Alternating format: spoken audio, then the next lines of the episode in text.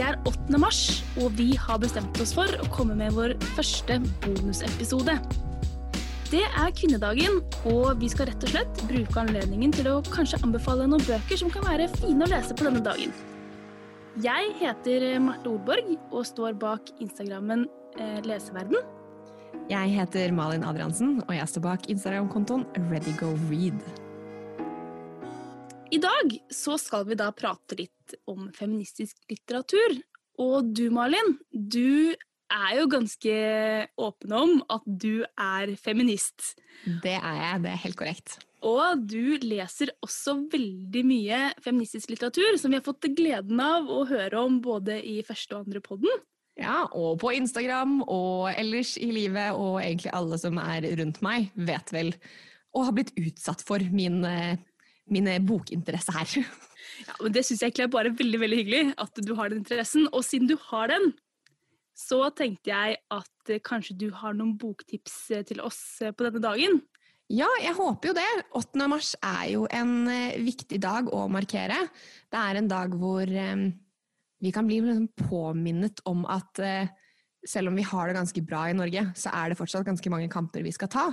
Og jeg syns jo litteraturen er utrolig fin til å bruke for å både lære seg mer om de forskjellige sakene, men også på en måte bare hva skal man si, bygge opp en bevissthet rundt dette med feminisme, egne meninger, kvinnekamp, holdninger i samfunnet. Altså, det er mye man kan si og eh, skrive og lese om i litteraturen og i kvinnenes eh, verden. Absolutt. Jeg kjenner jo veldig på at litteraturen for meg er jo et sted jeg lærer veldig, veldig mye. Samtidig som at det er et sted jeg får innblikk i andre menneskers liv. De ja, det er nettopp det.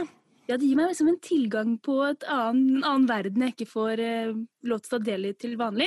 Mm. Og da syns jeg det er dødsviktig og interessant å lese litteratur eh, og historier som kanskje er litt utenfor min sfære til vanlig, da.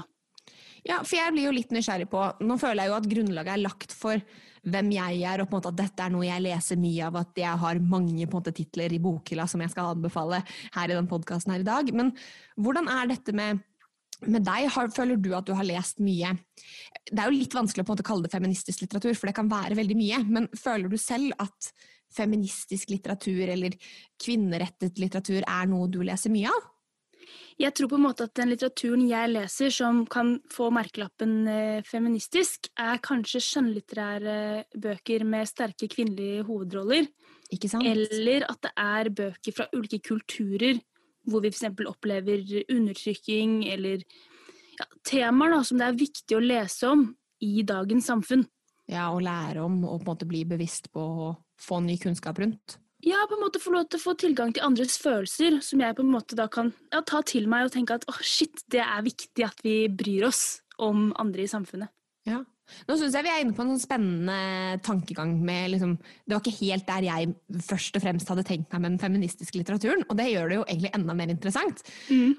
Har du noen bokanbefalinger rundt det du snakker om nå? Hva ville du anbefalt at våre lyttere kunne lest uh, i anledning kvinnedagen, og det som interesserer deg ved måte kvinnelitteraturen?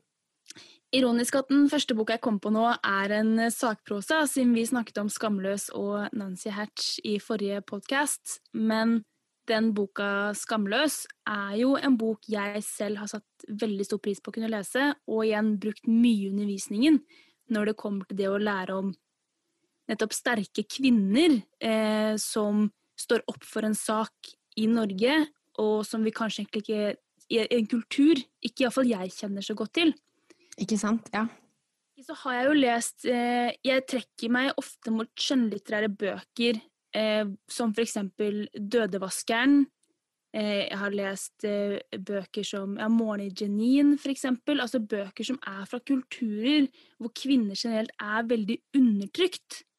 Mm det finner jeg mye læring da, i å lese, fordi det er, det er, masse følelser som jeg ikke nødvendigvis får i en nyhetsartikkel om saken eller konflikten eller krigen. Det er jo veldig interessant, fordi når jeg på en måte ser på min bokhylle og ser den egne hylla som på en måte er til feministisk litteratur, så er det kanskje nettopp de bøkene som mangler i min bokhylle. Jeg har mer den tøffe, målretta, eh, sakprosa, kampsakbøkene.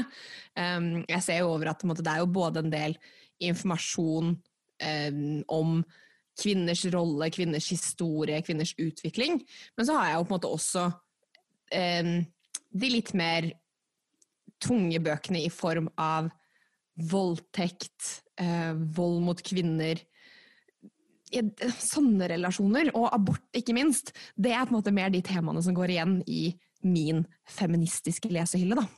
Men når vi er inne på denne lesehyllen din, eller bokhyllen din, Malin, som du har satt spesielt satt av til feministisk litteratur, ja. så tenkte jeg jo at kanskje vi kan få litt innblikk i hva som står i den. Så kan ikke du komme med et uh... Boktips eller to? For eksempel? Jo, selvfølgelig kan jeg jo det. Um, for de som har fulgt Ready Go Read i et år eller mer, så tror jeg alle vet hvilken bok jeg kommer til å trekke fram først. Men det er en bok som jeg har lyst til å si aldri dør, og det er Invisible Woman. Nå lurer jeg på så er riktig. Women, woman. Jeg kommer aldri til å lære meg hva som er riktig der. Men flertallsformen av kvinner på engelsk. Um, av Caroline Criado Press. Og det er en bare fantastisk bok som bare lærte meg så ekstremt mye om den forskjellsbehandlingen vi kvinner egentlig systematisk blir utsatt for i samfunnet, som jeg har tenkt på som helt naturlig. Eh, og det er bare sånn Jeg har jo vært opptatt av denne feministiske litteraturen og på en måte feminisme i mange år nå, men den boken ga meg så mange hva skal man si, nye kampsaker ga meg så mye kunnskap som jeg føler at jeg kan lene meg på som feminist i dag, og på en måte vite at med denne kunnskapen kan jeg stå sterkere i de diskusjonene jeg har i hverdagen, på en måte, med andre rundt meg. Så 'Invisible Woman' er en bok jeg på en måte virkelig, ja, virkelig anbefaler. Men har du noen eh, eksempler på sånne type kampsaker som blir viktige for deg etter å ha lest den boka, eller? Og det er alltid så vanskelig å bli spurt om det her på spot, fordi det er jo lenge siden jeg nå har lest boka. Men jeg har tenkt um, dette med bilbelter, eksempel. At bilbelte er designa for en mann på rundt 80 kilo. Uh, den tar veldig lite hensyn til um, at kvinner har pupper, eksempel. Uh, og at vi dermed står i Å, nå blir jeg sånn derre Jeg bare tar et tall ut av intet, men jeg husker ikke helt hva det var. Men vi er liksom Kvinner er i 30-40% større risiko for å dø i en bilulykke fordi bilbeltene ikke er designa til oss. I tillegg så synes jeg et av måte, eksemplene som brukes helt innledningsvis i boken, er bare så fascinerende. At snømåking kan være diskriminerende. Fordi eh, samfunnet har lagt opp til å måke bilveiene først, og fortauene etterpå. Og bilene, bilen er det som, som regel mannen som håndterer, mens kvinnen er ute og går med barnevogn for å komme seg til og fra jobb eller for å komme seg til å levere i barnehagen osv. At hele dette kan belaste samfunnet økonomisk fordi kvinner skader seg når de er ute og går, de sklir på isen. Alt mulig sånn. Og jeg tror det var en by i Sverige som endret på dette, at de begynte å måke fortauene først og så veien. Og det reduserte på en måte legevaktbesøkene så mye at eh, byen tjente masse, masse, masse penger. Nå kjenner jeg at jeg er eh, veldig dårlig på å forklare disse tingene, men jeg føler at du kan høre entusiasmen i eh, stemmen min, og på en måte bare tenke at dette er ett og to av veldig mange eksempler som Caroline eh, Caroline trekker fram i denne boka den boken, Malin, den har jeg hørt deg snakke om ganske mye på Instagram, egentlig. Så jeg har jo blitt veldig nysgjerrig på den. Og når du legger den fram som du gjør nå, så blir jeg jo ekstra nysgjerrig på å ta opp den boka og også få med meg disse ja, Lese med disse strukturene som fins i samfunnet, da. Ehm, det er jo veldig, veldig, veldig interessant. Ja, det er det, og den boken her er en sånn Jeg, tror, jeg føler at det kommer til å være min evig pushebok. Jeg kommer til å pushe den på alle i mange år fremover. Men jeg tenkte sånn, kanskje du har et tips eh, til til en bok, eller? Ja, jeg har jo selvfølgelig det. Um, på mange måter så kan jeg jo slenge mange tips inn i én forfatter, og det er jo selvfølgelig Marta Breen. Jeg elsker Marta Breen, og jeg elsker bøkene hennes. Og akkurat i den poden her i dag så har jeg veldig lyst til å trekke fram eh, den boka som kom for et par år siden, som heter Om muser og menn. Som eh, rett og slett er en bok om kvinners rolle i kunst og kulturen, og på en måte hva slags eh, rolle man har hatt for å inspirere menn opp igjennom. Og bare hvordan altså Martha Breens blikk på denne litteraturen og disse holdningene er bare sånn kjempespennende. Og så høres det liksom litt rart ut når man leser om det, men hun skriver på en veldig engasjerende og interessant måte, som gjør at selv den som ikke har en stor fot innenfor kulturlivet, kan finne på en måte den her veldig interessant. Da. Så den anbefaler jeg. Helt klart. Den boka fikk jo masse omtaler den kom, og stått på min leseliste i gud vet hvor lenge. Og jeg gremmes litt over at du ikke har lest den ennå, men det er greit, jeg skal ikke ta helt kontroll over livet ditt. Nei, men det er en bok som jeg liksom virkelig har planlagt at jeg skal lese, og jeg får ikke mindre lyst til å lese den heller, når du eh, tar den opp. Yes, det føles som en seier. men så tenkte jeg da, Malin, at uh, du har jo hatt den interessen her veldig lenge, kanskje? Eller hvor, ja, kommer, egentlig, mm -hmm. hvor kommer egentlig interessen din om feministisk litteratur fra? Det er jo litt interessant, fordi det er jo ikke mange år siden jeg ikke leste sakprosa i det hele tatt, og nå leser jeg jo relativt mye av det. Um, det er som, ja, eh, det er et par år siden, men det kom en bok som heter En sånn jente av Monica Flatebø. Um, den av en eller annen grunn så tok jeg med meg den hjem og leste den på juleferie hjemme hos mamma og pappa. Og det er jeg veldig glad for at jeg var hjemme hos mamma og pappa når jeg leste den, for fy søren, så forbanna og sinna og lei meg og vondt har det sjelden gjort å lese en bok. Og jeg husker at jeg trengte liksom mammas støtte mens jeg leste den boka, for det er rett og slett en dokumentar om Voldtekts-Norge. Og den flettes jo da sammen ved historien til samboeren til Julio Koppeng, som da er liksom kjent som Norges største serievoldtektsmann. Og jeg husker at jeg tvang mamma til å lese den boka rett etter meg, fordi jeg trengte noen å snakke med. Uh, og jeg tror den boken bare den fikk fram et liksom, engasjement i meg som kanskje ikke har vært like tydelig tidligere, og bare gjorde at jeg fikk lyst til å lese mer, lære mer og kjenne mer på andres historier som jeg har lyst til å lære, som jeg har lyst til å måtte kjempe for. Og ikke så lenge etter, etter, der igjen så leste jeg en bok som heter 'Brev til en datter', som da er på en måte helt andre enden av skalaen. Som er eh, fem brev fra store kvinnelige norske rolleforbilder, kan man nesten si, om på en måte deres reise som rett og slett kvinne og menneske i på en måte samfunnet. Og de to bøkene sammen viste meg på en måte at det finnes en hel verden av litteratur som jeg egentlig vet at jeg har en brennende interesse for, men som jeg på en måte bare har ignorert litt, fordi det er en type sjanger jeg ikke er så vant til å lese, altså sakprosa. Og der ble det på en måte bare bygget sten på sten på sten, eller bok på bok på bok, kan man vel egentlig si. Bok etter bok har jeg liksom bygget meg opp denne bokhylla, og ja, har liksom ja, funnet ut at det er noe jeg brenner for og har lyst til å på en måte vise fram da, på sosiale medier. Men jeg syns du har et veldig veldig godt poeng her, Malin, når du nevner at disse bøkene har vekket engasjement i deg. Ja. Fordi ja, men sånne sakprosabøker, eh, eller også skjønnlitterære bøker som setter ting veldig på spissen, det har en tendens til å virkelig røske i følelses, eh, følelseslivene våre. Ja, og i hvert fall når det er basert på sanne ting. Da kan det liksom ta tak i magesekken og vrenge det rundt nesten, fordi det, det gjør så vondt. Ikke sant? Og den, der, den smerten den for min del iallfall skaper et engasjement som gjør at jeg bare jeg får lyst til å liksom gå ut døren hjemme, gå i tog, stå på Gi folk en ekstra klem. Det kan man jo ikke nå pga. korona, men man, man, får på en måte veldig lyst til å bidra til at folk liksom enten forstår, eller at folk lærer, forandrer seg og blir liksom nye og bedre mennesker på et vis. Ja, og også på en måte at i hvert fall når jeg leser disse vonde historiene, at andre kvinner skal få slippe å oppleve dette. Og da kanskje spesielt bare fordi de er kvinner. Og det kjenner jeg at måte, litteraturen gir meg en input på som jeg har liksom lyst til å ta med meg videre i hverdagen min. Hele tiden. Mm. Jeg kjenner jo at uh, min tilnærming til eh, feministisk litteratur ofte går på at jeg leter etter tekster jeg kan bruke i undervisningen med elevene mine.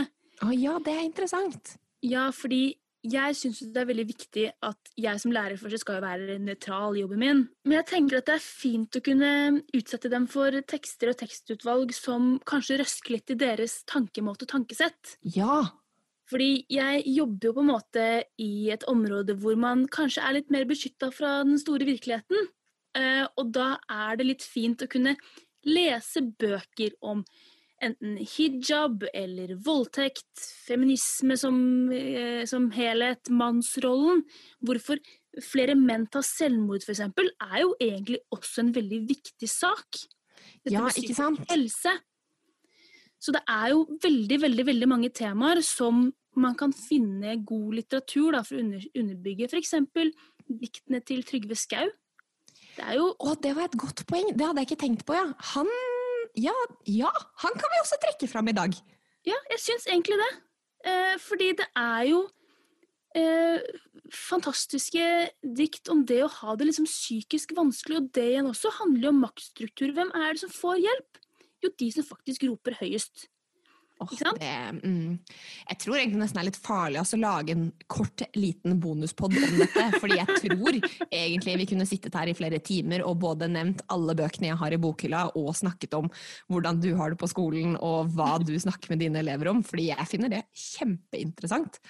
Og da lurer jeg litt på, Har du noen gang brukt eh, noen av disse bøkene som Marta Breen og Jenny Jordal har skrevet sammen i undervisningen? For de har jo f.eks.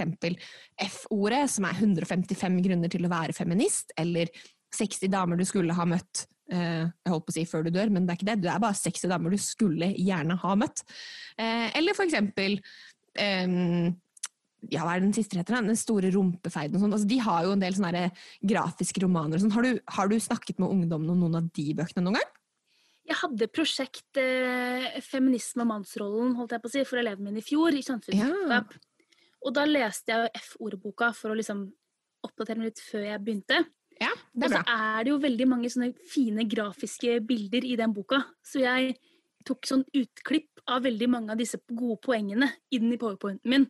For å på en måte Mm, smart. eksponere dem for litt sånn feministiske ja, illustrasjonsmeninger. på en måte, Tegneserier og sånn er jo også en form for litteratur. Ja, for Det er det som er veldig bra med måte, dette prosjektet til Jenny Jordal og Marta Breen. For jeg tror kanskje, hadde det ikke vært for de bøkene, så er det kanskje mulig at min feministiske litteraturinteresse hadde um, ikke vokst videre.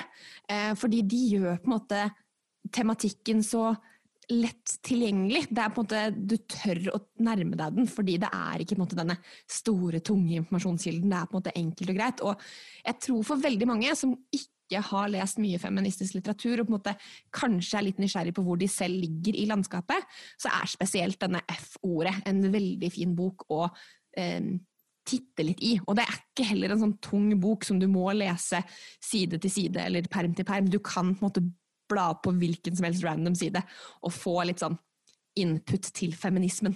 Jeg tror jeg skal lese den på nytt, faktisk. Veldig sånn fin, enkel innføringsbok i hva feminisme egentlig er, og hvorfor det er viktig. Og jeg tror også den passer veldig godt til et ganske bredt aldersspekter, faktisk. Det tror jeg jo. Det er, det er lenge siden jeg har titta i den boken. Jeg tror kanskje jeg trenger å friske opp noen av mine 155 grunner til hvorfor jeg er feminist. Men sånn på tampen, eh, Malin, det er jo, ikke sant, som nevnt, kvinnedagen i dag, 8. mars. Eh, hvordan skal du eh, litterært feire denne dagen? Um, først og fremst så skal jeg nok forhåpentligvis feire den digitalt på internett i kveld, og på en måte markere eh, på det store internettet. Men jeg tenkte også at jeg skulle plukke opp en bok som har stått i bokhylla mi ganske lenge nå, egentlig. Bare fordi den er liksom pen og fin, men jeg har ikke åpna den og lest siden. den. Så jeg tenkte at jeg skulle begynne å titte litt grann i Herregud, jeg kan ikke si det her engang. Det, det periodiske system av feminisme, bare på engelsk, da. Eh, The Periodic Table of Feminism, som er en sånn fin, liten bok som jeg tror eh, nevner en del kule kvinnenavn og kvinnehistorie som jeg har lyst til å plukke med meg. Så den lurer jeg på om jeg skal lese i dag. Altså, Jeg syns tittelen var så genial at jeg fikk lyst til å lese boka. Jeg så Ja. liksom for meg systemet med kvinner på rekke og rad. Eh, Jeg skulle ønske jeg kunne vise den til deg, fordi jeg tror, jeg tror dette er en eh, bok for deg. Den ser, den ser ganske kul ut også. Så um, ja, det er en liten hidden gem som forhåpentligvis er en godbit å lese i dag. Jeg tror jeg faktisk eh, skal bruke dagen på å eh, høre dem denne poden, og så få litt gode tips til hva jeg skal låne biblioteket fremover. Fordi jeg Ja, Marte. Ja, det syns jeg også at du skal. Ja, for jeg tenker at det å på en måte se med til sakprosaens litt sånn grunnleggende feministiske litteratur, eh, kan eh, være veldig interessant. Ja, og jeg vet at du ikke har lest liksom så mye av det tidligere. Men jeg, jeg, bare vet at det er så mye der ute som jeg tror du også ville funnet interessant og likt kjempegodt, og som vi kunne snakket masse om. Så du må definitivt måtte finne deg eh, en, et bibliotek i nær framtid og låne en lang liste av disse bøkene. Og du har jo meg på speed dial, så du kan jo få personlige tips også, hvis Eh. du vil det. Det skal jeg gi deg. Det er godt å høre. Og jeg tror også, hvis jeg kjenner deg rett, så kommer du vel til å legge ut ganske mange tips i sosiale medier eh, i dag og de kommende Det dagene. er definitivt planen. Vi har vel egentlig ikke så mye annet å gjøre da enn å ønske alle en fin dag videre og en god feiring, enten om den faktisk er fysisk, eller om den sannsynligvis er digital, eller om den finner sted i litteraturens verden. Ha det fint da, Malin. Ha det, Marte.